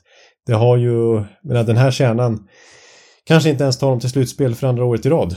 Eh, och ska man då fortsätta att tro på dem när Elias Lindholm fyller 30 nästa säsong då och liksom skriva långa kontraktet med honom. Nej, det kanske är dags för lite rebuild eller i alla fall en större retool. Liksom. Ja, men det är ju då eh, spelare som är där som inte ska tycka om det. Men Micke Backlund skrev till exempel på ett nytt kontrakt för att han trodde att eh, de fick signaler om att det ska satsas nu. Liksom. Men om, om Elias försvinner och även då Markan kanske är på, på gång, då, ja vad blir det kvar? Liksom? Nej, precis. Och de har fler UFAs, alltså eh, Noah Hannifin är det många som är intresserade av och, och eh, Chris Tanner vill såklart många klubbar ha också. Jag menar, då då är det mycket kvalitet som försvinner därifrån. Ja, det låter som liksom eh, mörker väntar i, i Calgary i så fall, några år av rebuild. Ja, men frågan är om de inte ska behöva gå igenom det istället för att fortsätta med samma kärna som bara blir äldre och äldre. Ja. Och så ska det bli ännu dyrare dessutom om alla de här ska ha nya kontrakt och kräver rejäla lönelyft. Så är det verkligen, eh, inte minst för Hannifin och allra främst Elias Lindholm som nästan vill dubblera sitt kontraktsvärde. Ja, ja det förstår man. Det skulle jag också vilja. ja.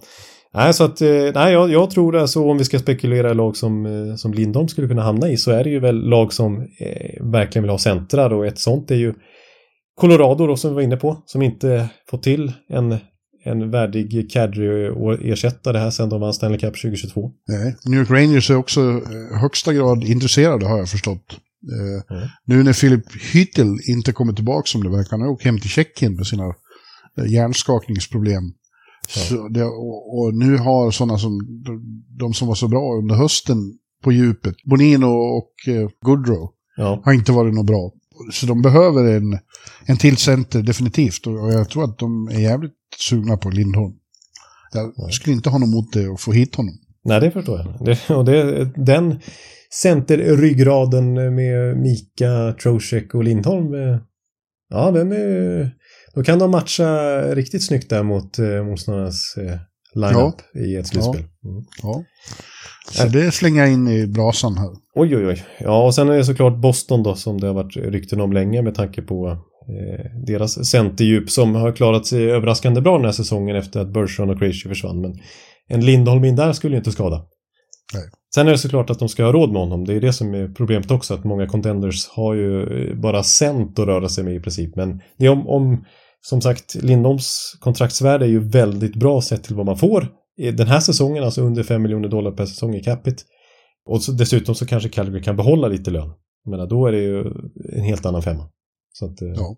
Ja, han kommer vara högvilt om det nu visar sig att Conroy kommer trada honom. För det, ska, det vill jag slänga in också här. Apropå alla free agents egentligen i Calgary Flames, även Hannifin och sådär. Att eh, Conroy direkt på sin första presskonferens sa att Goodrow-fiaskot ska inte upprepa sig. Vi ska inte släppa en free agent gratis igen. Den situationen kommer jag inte försätta Calgary Flames i utan jag kommer få någonting ut för dem Ja. eh, i så fall. Och då talar det verkligen för en Lindholm-trade med tanke på att de inte ens har diskuterats sedan juli. Liksom. Nej, spännande.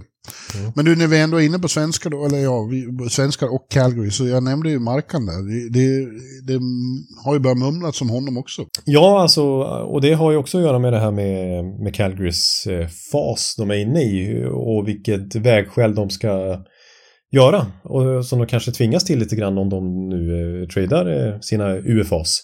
Jakob Markström är ju inte en sån, han har ju två år till på kontraktet. Mm. Och dessutom no movement-klausul. Så Ja. han kan ju sätta stopp för vilken trade som helst.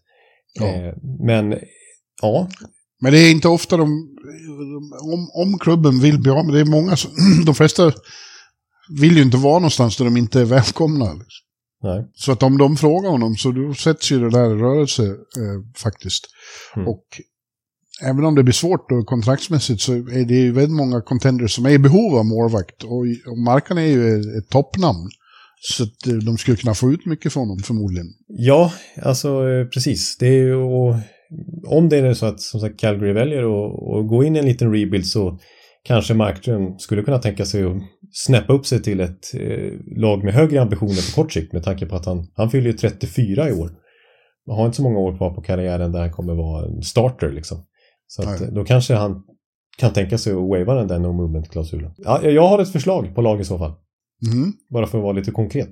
Mm. New Jersey Devils. Ja, jag skulle just säga dem också. De, de känns som en bra destination. Även om de nu då har fått, igång, fått igång Nico, vad heter han, Dawes. Nico Dawes. Mm. Uh, han var väldigt bra när han spelade. Men det känns också som en sån här som gör några bra matcher men sen inte riktigt uh, går att hålla handen under längre tid. Det finns ju många sådana målvakter. Vi trodde ju att Akira Schmid skulle vara en sån målvakt, men Ja. han är ju tredje valet nu i, i New Jersey. Och Vitek Vanecek, eh, det känns ju väldigt tydligt att han håller inte som starter i NHL. Nej. Eh, och det, faktum är ju att New Jersey har ju en hel del löneutrymme helt plötsligt nu med tanke på att Doggy Hamilton ser ut att bli borta grundserien ut. Det är 9 miljoner dollar plötsligt som öppnar sig. Och nästa säsong i det här läget så sitter de faktiskt på 20 miljoner dollar i löneutrymme när dessutom lönetaket höjs. Så att även på sikt så skulle ju liksom, för Markströms kontrakt gäller ju två år till. Så både kortsiktigt och långsiktigt ser jag New Jersey faktiskt av alla toppklubbar i alla fall. Eller nu är ju inte New Jersey en toppklubb just nu, men de vill vara det i alla fall. Som den mest realistiska destinationen. Carolina går det att titta på också. Ja, det har ju snackats eh, Markström och Carolina tidigare. När han skrev på för Calgary så var ju Carolina ett av lagen som var eh, med i budgivningen. Så det är ju inget, inget nytt för Don Waddell och Tom Dundon och Rod Brindamore att kika på Markström. Nej. Mm. Ja, eh, låt oss hålla, vi håller fast vid svenskar och sen kan vi ta lite målvakter också då. Mm. Eh, och det är väl framförallt de som har eh, utgående kontrakt då. Eh, Ja, Eh, En är Jakob Silverberg. Han, han är med all säkerhet eh, klar med NHL-karriären efter den här säsongen. Han har väl signalerat att han vill åka hem och spela ett år med Brynäs. ja, precis. Och vi får se om han eh, ens kan bli tradad i slutet på den här säsongen. Om det är något, finns något lag som nappar med tanke på att hans capita fortfarande är över 5 miljoner dollar per säsong. Och hans Ja, men det blir ju inte, jag säger det blir ju inte över en hel säsong. Det blir ju liksom... Nej, men ändå. Det, blir ändå. det kostar ändå lite att ta in honom. Och liksom, tidigare var, var han ju känd för sitt skott och kunde göra en 20-25 mål per säsong. Nu står han på två den här säsongen. ja, såg men han är, skulle ju vara liksom som en grinder. Eh, Ja, samtidigt så här, tidigare så var han eh, faktiskt den svensk som spelar mest boxplay i hela NHL. Alla forwards inräknade. Den här säsongen petad från boxplay i Anaheim. ja. Så att... Ja, Ja, ja. ja, men jag se. tror att det kan hända. Ja. Nej, annars har vi ju Sunken som är utgående i St. Louis som väl jag inte tror nyper en slutspelsplats. Blev tradad i fjol i deadline. Ja, han har blivit lite journeyman. Han är, vill ju vara... St. Louis är hemma för honom. Ja. Men han är absolut en som skulle vara värdefull eh, på djupet hos någon. ja. Golofsson, är det någon som är beredd att ta det kontraktet? Ja, han har ju lite svårt. Det är in och ut ur laguppställningen där. Och han känns ju som en spelare som man ska använda topp 6 om man ska få ut det bästa av honom. Han är ju inte någon forechecker i en fjärde kedja liksom. Han har ett fruktansvärt skott, apropå skott. Ja. Eh, och jag kan se honom, ja, nej, jag vet inte. Ja, kanske. ja. Annars är det faktiskt inte så många. Det, det finns ju fler svenskar på utgående kontrakt, men de lirar ju topplag. Jag menar, Gustav Forsling kommer ju inte Nej. Florida Panthers att göra sig av med bara för att han har utgående kontrakt om man säger så. Det blir deras egen rental om, om inte de lyckas skriva ett nytt kontrakt med honom. Eller Oliver Ekman Larsen för den delen. Nej. Eh, ett annat eh, lag som faktiskt är intressant ur svensk synpunkt och som är väldigt svårbedömda just nu om de kommer vara buyers eller sellers. Det är ju Seattle Kraken som just nu ligger utanför slutspel. Eh, har ju verkligen rest sig. Vi pratade om dem förra veckan nu.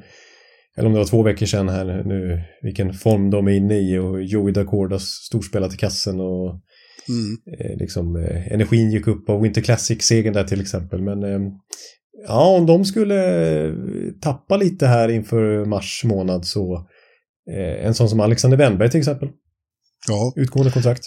ja jag, jag har hört lite rykten om honom. Inte så mycket att han ska tradas nu så länge de är med i, i jakten. Liksom, men att det kanske får svårt att stanna kvar i Seattle nästa år.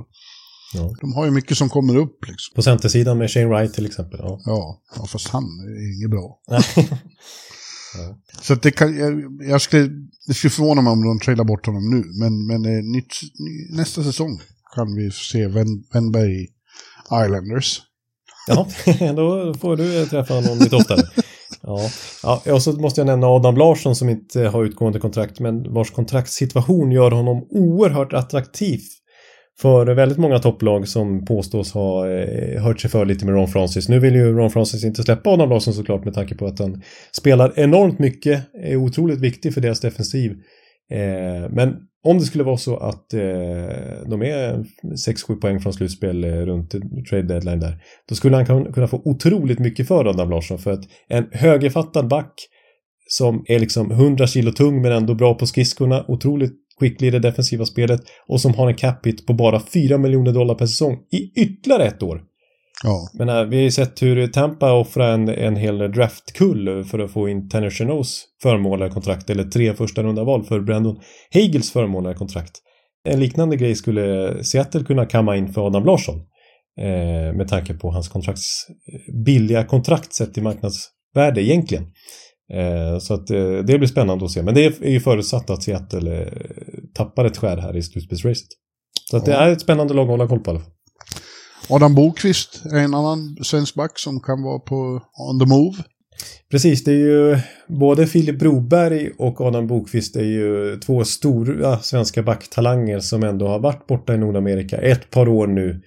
Men inte riktigt eh, lyckats slå sig in så som man tänkte sig. Alltså Filip Broberg är till och med nere i AHL.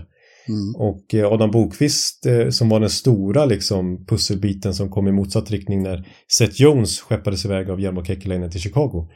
Han är ju liksom förbipasserad av, av en sån som David Jirisek till exempel i, i kön i Columbus Blue Jackets och får ju spela väldigt, om, och, får ju ofta sitta på läktaren nu med Adam Bokvist och det, Ja, det är konstigt för han var för någon, bara något år sedan så var han ju eh, framträdande spelare i Columbus. ja, eh, men de har ju så väldigt mycket backar nu. De tog alltså in både Provorov och Severson inför den här säsongen. Mm. Werenski har ju paxat platsen som första back i PP som Adam Bokvist gärna vill ha.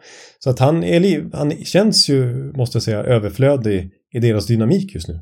Men det känns ju väldigt, som en väldig waste att en sån stor talang som Adam Bokvist ska sitta på läktaren. Nej, jag vill verkligen se ett eh, miljöombyte för honom, för där finns det en NHL-karriär eh, att förvalta så att säga, någon annanstans. Ja, Och även med Filip Broberg som har begärt en trade och som inte tycker att han ska hålla till i AHL. Eh, skulle också vara intressant att se någon annanstans än Edmontons organisation. ja eh, men tror du någon, någon svensk i, i San Jose då, till exempel som är helt borta? Fabian Zetterlund har ju varit väldigt bra. Eh, målfarlig, ett fantastiskt skott. Ja, Eh, tror du att han kan vara eh, tillgänglig? Jag tror de flesta i. San Jose är väl tillgängliga. ja det är nog inte så många untouchables där. Eh, men eh, de, jag tror ändå att de gärna håller fast i, i sina yngre förmågor. Såklart Lillfimpen också, det är en av dem de ska bygga sin nya Ja. stomme kring.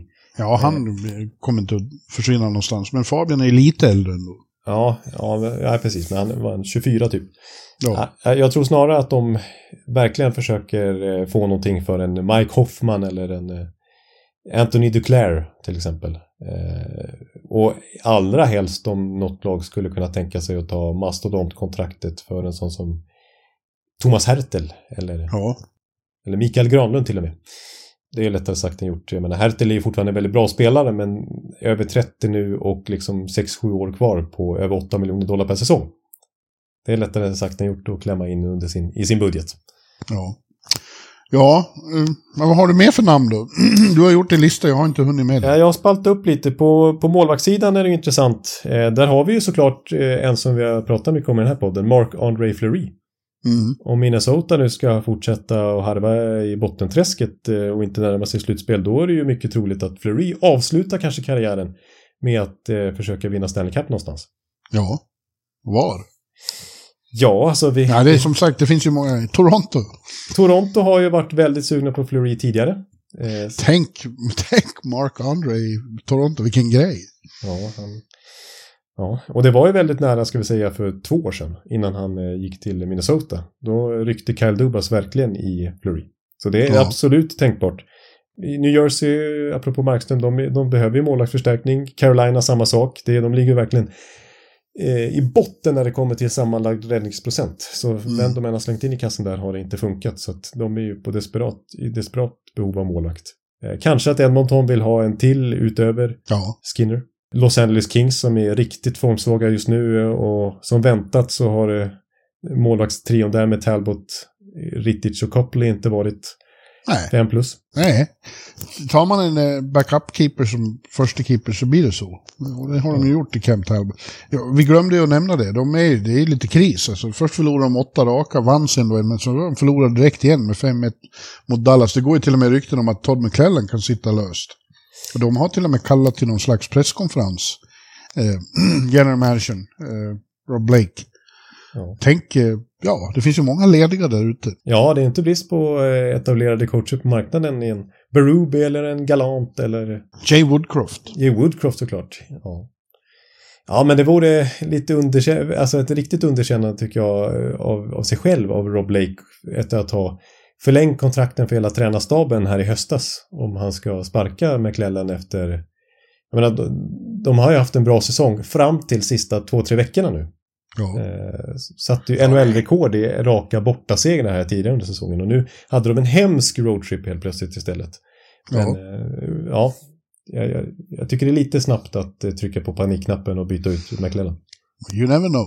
Ja, äh, återgå till, till målvakter igen här så Fleury, eh, vi har ju, sen är det kanske inte så intressanta UFAs liksom, alltså Mrazek eller eh, Capo Kekkonen som gör det faktiskt bra i San Jose, ute efter förutsättningarna, men det är ju inte de här stornamnen. Sen eh, om man eh, tänker storfräsare som sitter på kontrakt över tid så är det ju Markström och det är John Gibson som förstås i Anaheim som det ryktas om. Merslikins i Columbus. I synnerhet nu när, när, när liksom Anaheims, eh, han... eh, Dostal. Han? Do- Dostal var det så bra liksom. Mm. De har ändå förspänt på den positionen. Så skulle kunna få mycket för Gibson. Mm, ja, och det ska vi säga om eh, Calgary också, att de har ju Dustin Wolf på gång som ju nämns som en av de absolut största målvaktstalangerna och som varit helt dominant i AHL. Att det är liksom läge för honom att få NHL-starten nu på riktigt. Eh, Och att därför Ma- Markström skulle kunna vara läglig att byta bort av den anledningen också. Så att, eh, Ja. ja. Ja, eh, men vi har pratat mycket målvakter och vilka klubbar som är i behov av det, så det kommer säkert återkomma till. Eh, Backar, ja, där är det ju Calgary också som toppar listorna. Det här är från Ja. Chris Tanev. Ja. Tony D'Angelo. Som ju inte har alls blivit samma succé i Carolina som han var förra gången där. Men frågan är om någon vill ha honom. Nej, det finns några sådana eh, av hans kaliber. Tyson Barry är också otroligt skicklig offensiv back och som har begärt trade från Nashville, men vem vill ta emot det kontraktet? Å andra sidan finns det en väldig uppsida där. Ja. Ett intressant namn tycker jag som har dykt upp i diskussionerna i, vad gäller backar är Jacob Chikrin. Just som ju bara har varit tio månader i Ottawa. De tradade ju till sig honom från Arizona. Men, men de har så liksom eh, trångt. Och andra backar som äter till så att de skulle kunna göra sig av med honom igen. Ja, och det har inte blivit någon succé. Nej. Alltså, han har ju, de har ju faktiskt blivit sämre den här säsongen till och med Ottawa Senators, snarare än tvärtom. Och vi som Och trodde... de har på, han spelar på vänstersidan, där har de Chabot och Jake Sanderson. Liksom. Ja. ja, nej, jag håller med. Att, eh, jag kan förstå att de här ryktena blossat upp. Eh, och det känns som att det skulle behöva hända någonting i Ottawa Senators för att Verkligen. det, det här eh, tragglar på så här. Eh, det är inte vad nya ägaren hade tänkt sig. Nej. Eh, och de skulle såklart kunna få mycket för Chychrun då, för han är fortfarande ung. Och eh, storväxt och bra skridskoåkare har ju alla attribut egentligen för att vara en toppback. Eh, men har inte trivts i Ottawa uppenbarligen. Nej. Ja, det är intressant att se Ottawa överhuvudtaget där. Liksom, om de eh, ruckar i kärnan och börjar liksom... Kanske inte under säsongen tänker jag. Det kanske snarare blir en sommarprocess. Men Kitchak eller Stützle eller kanske inte, men Batterson eller Norris eller något sånt där. Ja. Ja, de skulle det finnas enormt intresse för, såklart. Ja, ja. Något är ju fel. Det är något i kemin som har gått eh, fel ja. i Ottawa. I ja. det här laget. De är för bra för att vara så här dåliga. Exakt, alldeles för bra för att vara så här dåliga. Det är långt ifrån värdigt. Ja. Eh, för att återigen slänga in något konkret här som jag tror skulle kunna hända och för att vara eh, verkligen karikatyr på Jonathan Ekliv i NHL-podden så eh, säger jag att Chris Tanev hamnar i sitt, inom situationstecken, Toronto Maple Leafs eftersom han är född då en kvarts bilfärd från Scotiabank Arena. Dina vanliga käpphästar om att de vill vara där de kommer ifrån. Ja, som ju inte... Men det som ytterligare stämmer överens här det är att Brad Treleving var, har ju skrivit hans nuvarande kontrakt i Calgary. Han har ju värvat honom dit en gång i tiden och nu är det Treleving som basar över Toronto Maple Leafs som är på väldigt tydlig jakt efter backförstärkning och allra helst en högerfattad back eftersom vi inte har så många av den varan och en TJ Brody får spela på fel sida till exempel.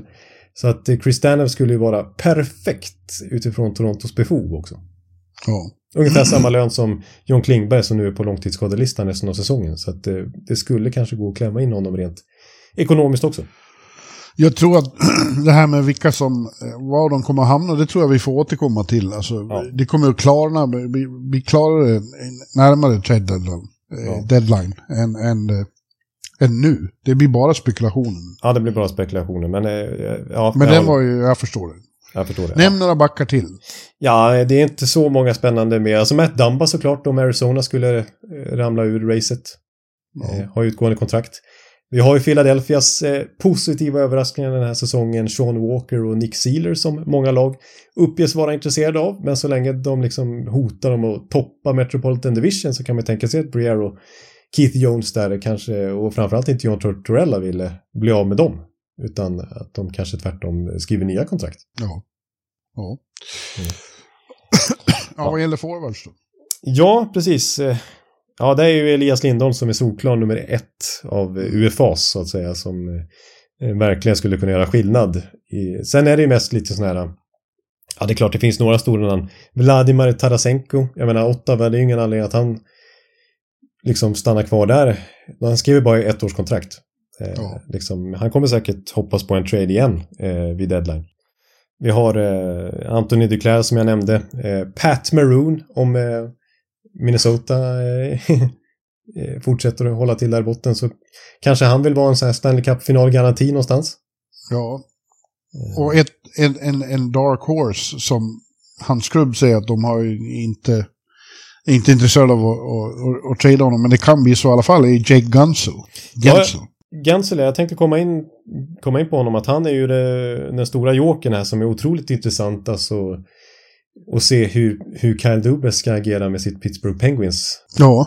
Det, det är liksom de har ju uttalat mål onekligen att gå för Stanley Cup och eh, att det, det, speciellt efter Erik Karlsson-traden liksom gå all in på att eh, den här Crosby, Malkin, Letang-kärnan ska få göra en sista push mot ytterligare en inskription i bucklan. Eh, men eh, om de faktiskt ser ut att missa slutspel i mars, ja då kanske de ska kickstarta en, en slags mini-rebuild i alla fall med att eh, få väldigt mycket utbyte för Jensen. Ja, han skulle ju vara...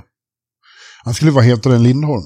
Ja, då skulle han segla upp som nummer ett på listan. Om det skulle ja. visa sig att han är tillgänglig. Men samtidigt, jag menar då, ja det blir konstigt då för att nästa säsong då har de ju kvar Crosby, Malkin och Letang och sådär och, och på långa kontrakt. Och Karlsson förstås. Eh, ja. Och så utan Jake Gensel, det är inte så att de blir bättre då precis. Och den där kärnan blir ett år äldre. Det är svårt att rebuilda överhuvudtaget nu, även om de tradar Jake Gensel. Så att... Pittsburgh kommer gå till slutspelet, det, det tror jag. Ja. Eh, de är svajiga, det är matcher när de är alldeles för liksom, oengagerade. Framförallt i början, de har haft en jävla förmåga att vara dåliga i början av matcherna. Men, men när, det, när det blir hetta till, då tror jag att det här Crosby är så jävla bra. Mm. Han kommer att, att vrida in dem i slutspelet och där kommer de att bli farliga. Kan de vara årets Florida Panthers? Ja, det är inte omöjligt. Det, som precis lyckades knösa in i slutspel och sen gick hela vägen till final. Jag tror även att, eh, och det kan avgöras lite vid deadline beroende på vilken de får in, men att New Jersey Devils kan vara årets Florida Panthers. Alltså, Ja, ja, ja. Om de använder Doggy Hamilton-utrymmet till en målvakt eller, eller en alltså till Markström eller kanske Noah Hannifin från Calgary Flames och staga upp lite där. Ja, ja då kan de gasa om eh, några konkurrenter på slutet och ta, knösa in i slutspelet. Ja. absolut. Ja. Ja, just nu har de ju så mycket skador så det är svårt för dem utan ljus och, ja, en massa spelare. Timo Meier är- har varit Timo. Meier och Palat. Ja, nej, men annars är det kanske inte så. Jag behöver inte rada upp alla UFAs här, men det är ju Adam Henrik och det är Tyler Johnson och det är eh, Sean Monahan till exempel. Ja, honom är det mycket prat om. Och, och så då när, i och med att det, det börjar viskas om det, att när de tradade bort Jamie Drysdale, att Trevor Segras kan vara i... i Just det, det pratade vi lite om förra veckan, att han, Ja. att han inte är någon riktig Pat Verbeek eller Greg Cronin-favorit. nej, just Och det. att de försöker eh, skapa en annan kultur där än vad eh, Seagrass är det ledmotivet för. Så att, eh, Ledmotivet. ja, så att, eh, ja, det vore ju spännande också om det, skulle hända såklart. Eh, Ja. Ja, ja men eh, ni märker, det finns eh, många namn och det, jag håller med er om att vi kanske... Det kommer ju klarna ju närmare deadline vi kommer, för nu är det så väldigt många lag som man inte vet hur de kommer agera. Nej. Och då blir det, jag menar, skulle Detroit eh, ramla ur slutspelsracet, vilket jag inte tror, men då är det väldigt många där som jag tror är aktuella för trade också. Så Ja. Att, och Tampa Bay för den sakens skull. Ja. När vi kommer lite närmare ska vi också gå igenom eh, topplagen, vad de skulle behöva. ja, precis. Så det, det får bli... ehm, ja, det Mer kommer, spekulationer kommer den närmaste månaden, det kan vi säga. Precis, precis. Så att, eh, ja, men vi nöjer oss där för den här veckan då. nu har vi i alla fall gått igenom ja, de troligaste UFA-namnen eh, som Ja. blir tradade och eh, fått lite hum om det i alla fall. Ja. Det blev ett långt avsnitt det. Ja, det blev det. Jag går Och till och med upp i att jag var- falsett nu, jag håller på att tappa rösten. Ja, jag var så såsig i huvudet. Jag är för trött. Jag ber om ursäkt. Men eh, det blir bättre nästa vecka. Då, har vi säkert jättemycket spännande att prata om. Igen. Ja, det är ju så i den här drama queen till liga som du brukar säga. Eh, Ja. Jag har ingen aning om vad som kommer att hänt då, men säkert någonting vi verkligen behöver hugga tänderna i. Ja. Nej, sätta tänderna. Sätta tänderna du ser. Ja. Ja, kanske en ny coach i LA. Vem vet, vem vet. Mm. Ja, nej, men vi stoppar där eh, för det 447 avsnittet så hörs vi igen i det 448. Då. Ja, ja, det gör vi. Ha det så gott och hej och hej. Hej hej! Hallå, hallå, hallå. Hallå, hallå, hallå. Alex Chiazot, Joe Luis Arena och Esposito. Esposito. Uttalsproblem, men vi tjötar ändå. Och alla kan vara lugna, inspelningsknappen är på. Bjuder Hanna Kohl, han är grym i sin roll. Från Kållesoffan har han fullständig kontroll på det som händer och sker. Det blir ju allt fler som rattar in hans blogg. Och lyssna på hans podd. One, two, times speed, so Hallå, hallå, hallå. One, two, times speed, so Hallå, hallå, hallå. Ekeliv, som är ung och har driv. Verkar stor och stark och känns allmänt massiv. Han hejar på Tampa och älskar Hedman. Sjunger som Sinatra. Och det ser man. Nu är det dags för refräng.